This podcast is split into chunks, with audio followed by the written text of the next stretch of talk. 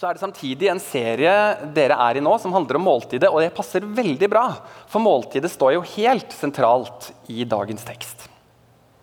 Konteksten for denne fortellingen er at Jesus blir kritisert fordi han spiser og holder måltid sammen med tollere og syndere, som det står. De som var urene.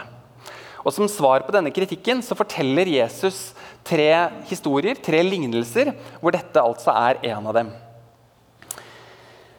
Og Denne fortellingen er en av mine favorittfortellinger i Bibelen. Og Hvis noen hadde liksom spurt meg hva er liksom, hvis vi skulle kommet opp med et alternativ til liksom den lille Bibel, så hadde dette kommet veldig høyt oppe på lista for meg. For her så er det på en måte som om liksom hele Bibelens budskap fra perm til perm på en eller annen måte oppsummeres. Dette er historien om oss alle som har rota oss vekk, bort fra vårt opphav som har gått oss vill på våre egne veier. Men det er også historien om veien tilbake hjem igjen. Tilbake til far, tilbake til fars hus, der vi egentlig hører hjemme. Så det er altså en sterk fortelling om omvendelse som vi eh, har med å gjøre. Og Jeg elsker den scenen i fortellingen hvor sønnen kommer hjem til far han kommer faren i møte, og han liksom bare kaster seg om faren. og Han blir tatt imot, og han får nåde, han får tilgivelse og han får gjenopprettelse. Og Jeg tenker på mange måter om det som liksom klimakset i historien. Jeg har bilde av det, Rembrandts kjente bilde på veggen, som eh, sikkert eh, en del andre også har. Eh, og tenker på det som klimakset. Men jeg jobbet med historien nå og så liksom på den på nytt. I lys av måltidsserien så tenkte jeg kanskje det egentlig er måltidet som jo er høydepunktet i fortellingen. Klimakset. Når faren slakter gjøkalven og steller i stand til fest. Og det blir eh, fokuset eh, når jeg eh, prøver å brette ut litt mer om denne fortellingen nå. For at lignelsen avslutter med et måltid eh, det tror jeg ikke bare er en liksom, tilfeldig happy ending. For i lignelsene til Jesus så er det få tilfeldigheter, men det ligger en dyp eh, klangbunn eller en, eh, en, dypere mening i veldig mange av detaljene. Og Når Jesus bruker måltidet, så er ikke det noe som bare er liksom nøytralt eller tilfeldig. Men det har en lang linje gjennom Bibelen og har en dyp en måte, klangbunn. Både for de som hører lignelsen første gang, men også for oss. Hvis vi på en måte våger å titte litt gjennom Bibelen og se, eh, se liksom noen linjer her. Og jeg tror Hvis vi ser noe av liksom den bakgrunnen, så kan lignelsen åpnes opp enda mer for oss. Det kan være fint, ikke minst med en lignelse som er så velkjent for mange av oss. Og Jeg har lyst til å ta et par eksempler på hvordan måltidet er viktig i Bibelen, som jeg tror spiller inn i denne fortellingen. Og det begynner allerede i begynnelsen. På første side i Bibelen, når Gud skaper mennesket I Edens hage så er mat en helt sentral del av historien. Det første egentlig budet Gud gir til mennesket, er spis av alle trærne. Nyt også av livets tre, som gir evig liv, Guds gode frukter. Og det gjør de. Men så har vi som vi kjenner det tragiske syndefallet, hvor mennesket vender seg bort fra Gud, går sine egne veier og gjør opprør. Og hvordan beskrives det? Jo, ved at de spiser. De spiser av den forbudte frukten.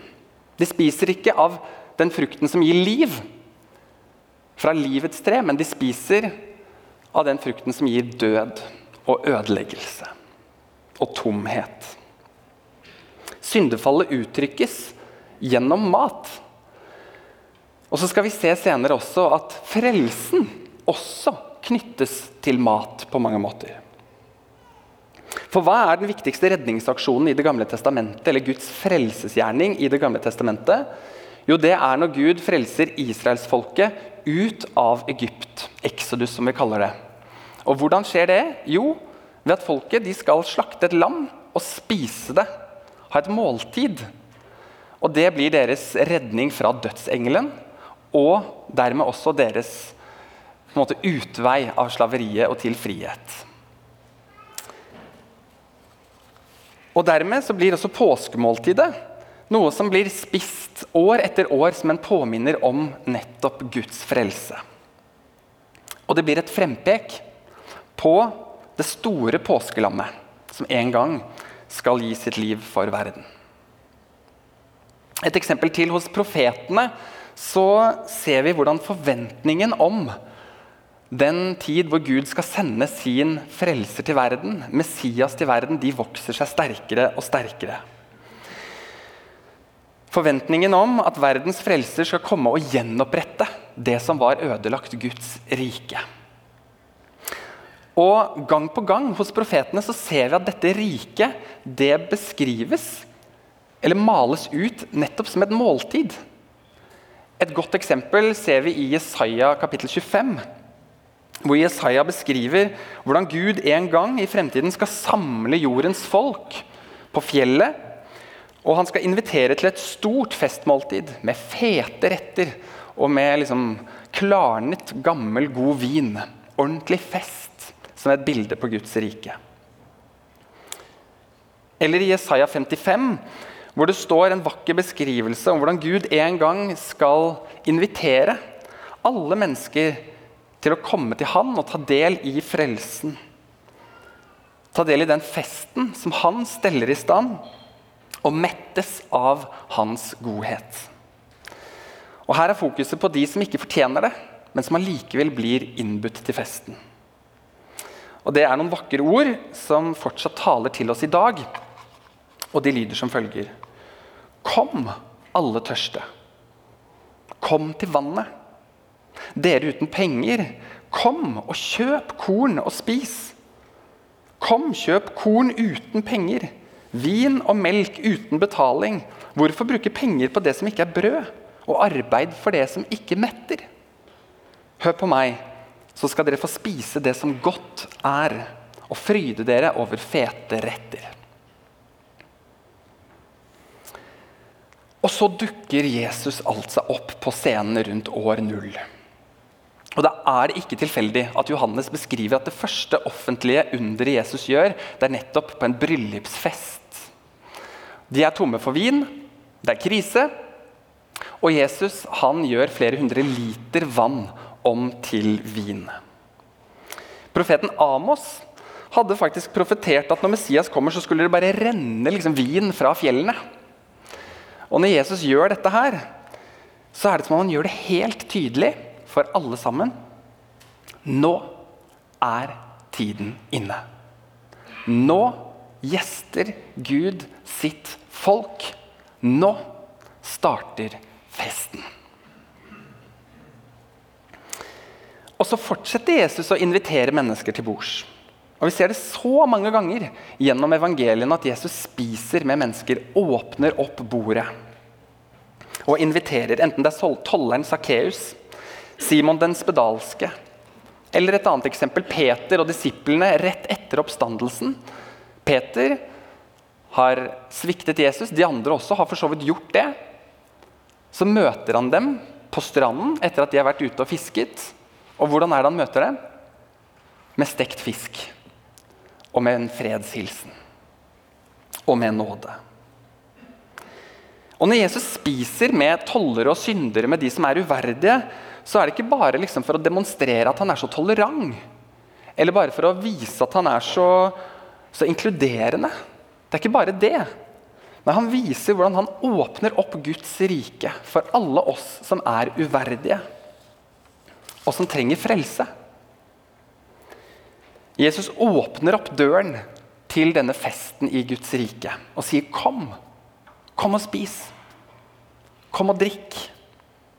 Som han også sier et sted, 'Kom til meg, alle som tørster, og jeg vil gi dere livets vann i gave'. Så la oss gå tilbake til lignelsen igjen med dette bakteppet. Jesus forteller altså en historie om en mann som har to sønner. Den yngste sønnen han stikker av til et land langt borte, vil ikke ha noe mer med faren og familien å gjøre. Og han lever som konge på haugen der borte inntil det fullstendig krasjer. Og da krasjer det så til de grader. Han havner i grisebingen. til bonden, Han har ikke noe annet sted å gå, og der sitter han blant grisene. Og husk på det at Når Jesus forteller denne historien, så forteller han den til jøder. Og For jødene, så, selv om vi kan synes det å liksom leve i grisebingen er enkelt, så ekkelt, så var jødene et urent dyr. Nei, eh, unnskyld. Eh, oi, oi, oi. Dette, ikke, den setningen må ikke ut på internett. Da får Betlehem flere overskrifter eh, fremover. Det trenger vi ikke flere av akkurat nå. Men eh, det er altså grisene, selvfølgelig, som er urene dyr. Så for en jøde å høre at her havner han midt blant grisene og sitter og spiser grisemat altså Det er å komme så langt, langt, langt ned som du bare kan tenke deg. Mm. Og så sier det samtidig noe allment til oss alle om hvilken tilstand han er i. At han ender opp med å sitte tilskitten og fylle seg med grisemat. Og er du sulten nok, så spiser du hva som helst. Både konkret og billedlig. Uansett hvor ille ettersmaken er. Men mens han sitter der og ser seg rundt, så slår det innover ham. Han kommer til seg selv. Det er ikke her jeg hører hjemme. Hva er det jeg driver med? Hva er det jeg fyller meg med? Jeg hører jo ikke til her. Det er jo hjemme hos far jeg har min plass. Rundt bordet, hjemme hos far. Det er der jeg hører hjemme. Og da tar han en bestemmelse i det øyeblikket, og så vender han om. Han vender hjem til fars hus igjen. Han er jo smertelig klar over hvilken urett han har begått, og at han ikke fortjener å komme hjem som en sønn lenger. Så han liksom går og forbereder seg og øver på at kanskje han kan bli tatt imot som en av tjenerne. i hvert fall, Og hjelpe til ved bordet. Men så vet vi hvordan det ender. Han kommer hjem, og der har faren stått og ventet på ham. Og han løper sønnen i møte. De omfavner hverandre. Og det, det, står ikke at han sier det, men det er som om han sier med alt han er, 'Velkommen hjem, gutten min'. Og Før sønnen rekker å liksom bli ferdig med sin unnskyldningstale, så, så roper han på tjeneren og sier 'kle på han'. Liksom, Fine klær igjen. Sett ring på fingeren hans. Slakt gjøkalven nå! Nå skal vi feste! Og så setter han i gang en storstilt fest for denne sønnen. Og på tross av hva han har gjort, så er det fortsatt plass for han ved bordet. Han slipper å liksom bevege seg som en tjener på bakrommet. Og Jesus forteller denne historien for å vise oss hvem Gud er. En Gud som tar imot bortkomne sønner og døtre som åpner bordet og steller i stand til fest. Så kunne fortellingen ha stoppet der, i festen og gleden, men den gjør jo ikke det. Det er en sønn til, og han har et annet problem. Han er så pliktoppfyllende. Altså, han har gjort alt rett. Han har tjent og tjent dag ut og dag inn. Og så kommer denne lillebroren tilbake, som har kastet livet sitt bort, som han sier. Og så ser han hvor nådig og kjærlig faren er mot denne sønnen. Og da rakner det fullstendig for han. For hvorfor kunne ikke faren ha gjort det samme mot han? Altså Her har han tjent dag ut og dag inn. Hvorfor er det ikke noe fest for meg? Jeg tenker Det er lett å liksom dømme han som sjalu eller som eh, usympatisk. Men det slo meg igjen når vi hørte teksten lest nå, at det ligger så utrolig mye sårhet i de ordene. Som sønnen sier. Elsker han meg på samme måte? Hvorfor har han ikke gjort det mot meg? Her har jeg tjent han i alle år. Kanskje noen kan kjenne det igjen. Her har jeg trodd på Gud i alle år. og Jeg har bedt og jeg har bedt og jeg har tjent og jeg har gitt. Og så ber han om det her, og så, og så er han bare Hører han meg ikke? Hva skjer? Så står han der. Døren er åpen inn til festen. Han hører all latteren og gleden. Og så tenker jeg at han må ha kjempet noe voldsomt med seg selv. Skal jeg gå inn på festen til broren min, eller, eller klarer jeg det ikke? Og da kommer faren ut igjen. Så står de sammen og snakker, og så er det som faren sier til han, og parafraserer jeg men kjære deg, gutten min, alt mitt er jo ditt. Hva er det du tenker på? Jeg elsker jo deg, du har din plass ved bordet. Kom inn, du òg. Men nå må vi feire og glede oss over din bror. Men du har en plass, bli med inn. Hva? Hæ? Det er som om han står og sier det, og så avslutter lignelsen akkurat der. Og vi vet jo ikke hva han velger. Men det er kanskje heller ikke poenget.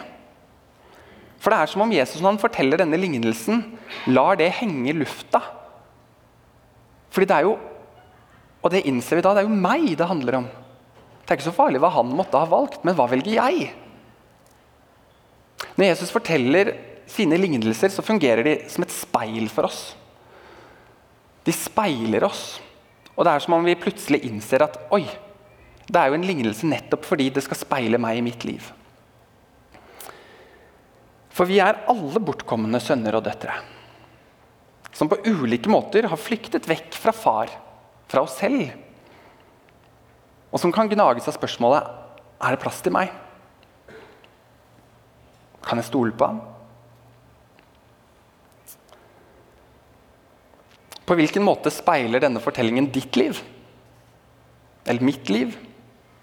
Er jeg som den yngste sønnen som har flyktet vekk? Som sitter i grisehuset og fyller meg med grisemat? Altså som, som fyller meg med alt det som jeg håper liksom kan fylle meg, men som ikke gjør det, som bare gjør meg tom. Som fattige substitutter for det som egentlig min sjel dypest sett lengter etter. Nemlig å mettes av hans godhet.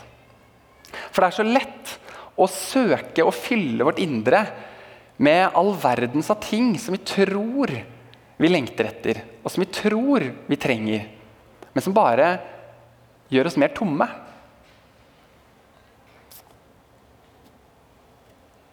Det finnes en lengsel som ingenting i denne verden kan mette. Som det står i Forkynneren, mennesket strever alltid for maten, men sjelens sult blir aldri stilt. Ikke av noe i denne verden. Eller kjenner du deg igjen i den eldste sønnen som stiller deg litt på utsiden og lurer på er det plass til meg? Ser Gud meg? Er jeg velkommen? Eller bryr han seg mer om de andre? Ser han mine kamper?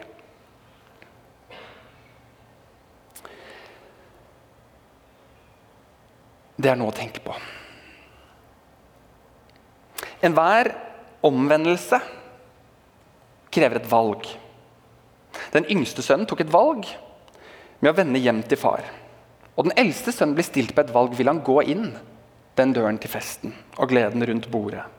Eller vil han gjøre seg hard og holde seg utenfor? Vi vet ikke hvordan han velger.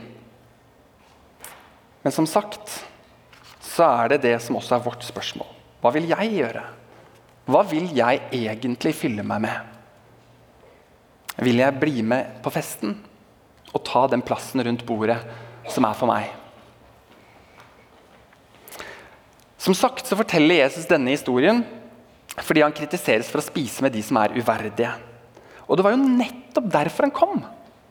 For å åpne døren inn til Guds rike for alle oss som ikke er verdige og Det er som om Jesus gjennom sitt liv roper ut disse ordene fra Jesaja. Kom! Kom! Kom, dere som ikke har penger. Kom, dere som ikke er verdige. Kom, dere som tørster. Så lengter etter å stille den lengselen og sulten som finnes i deres sjel.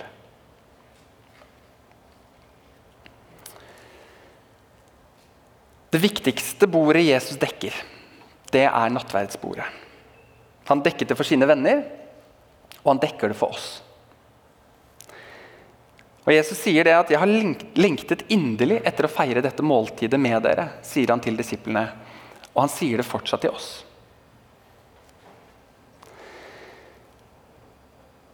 Og Husk igjen på hva de kritiserte Jesus for. De sa at han spiser med tollere og syndere. De mente det som en kritikk.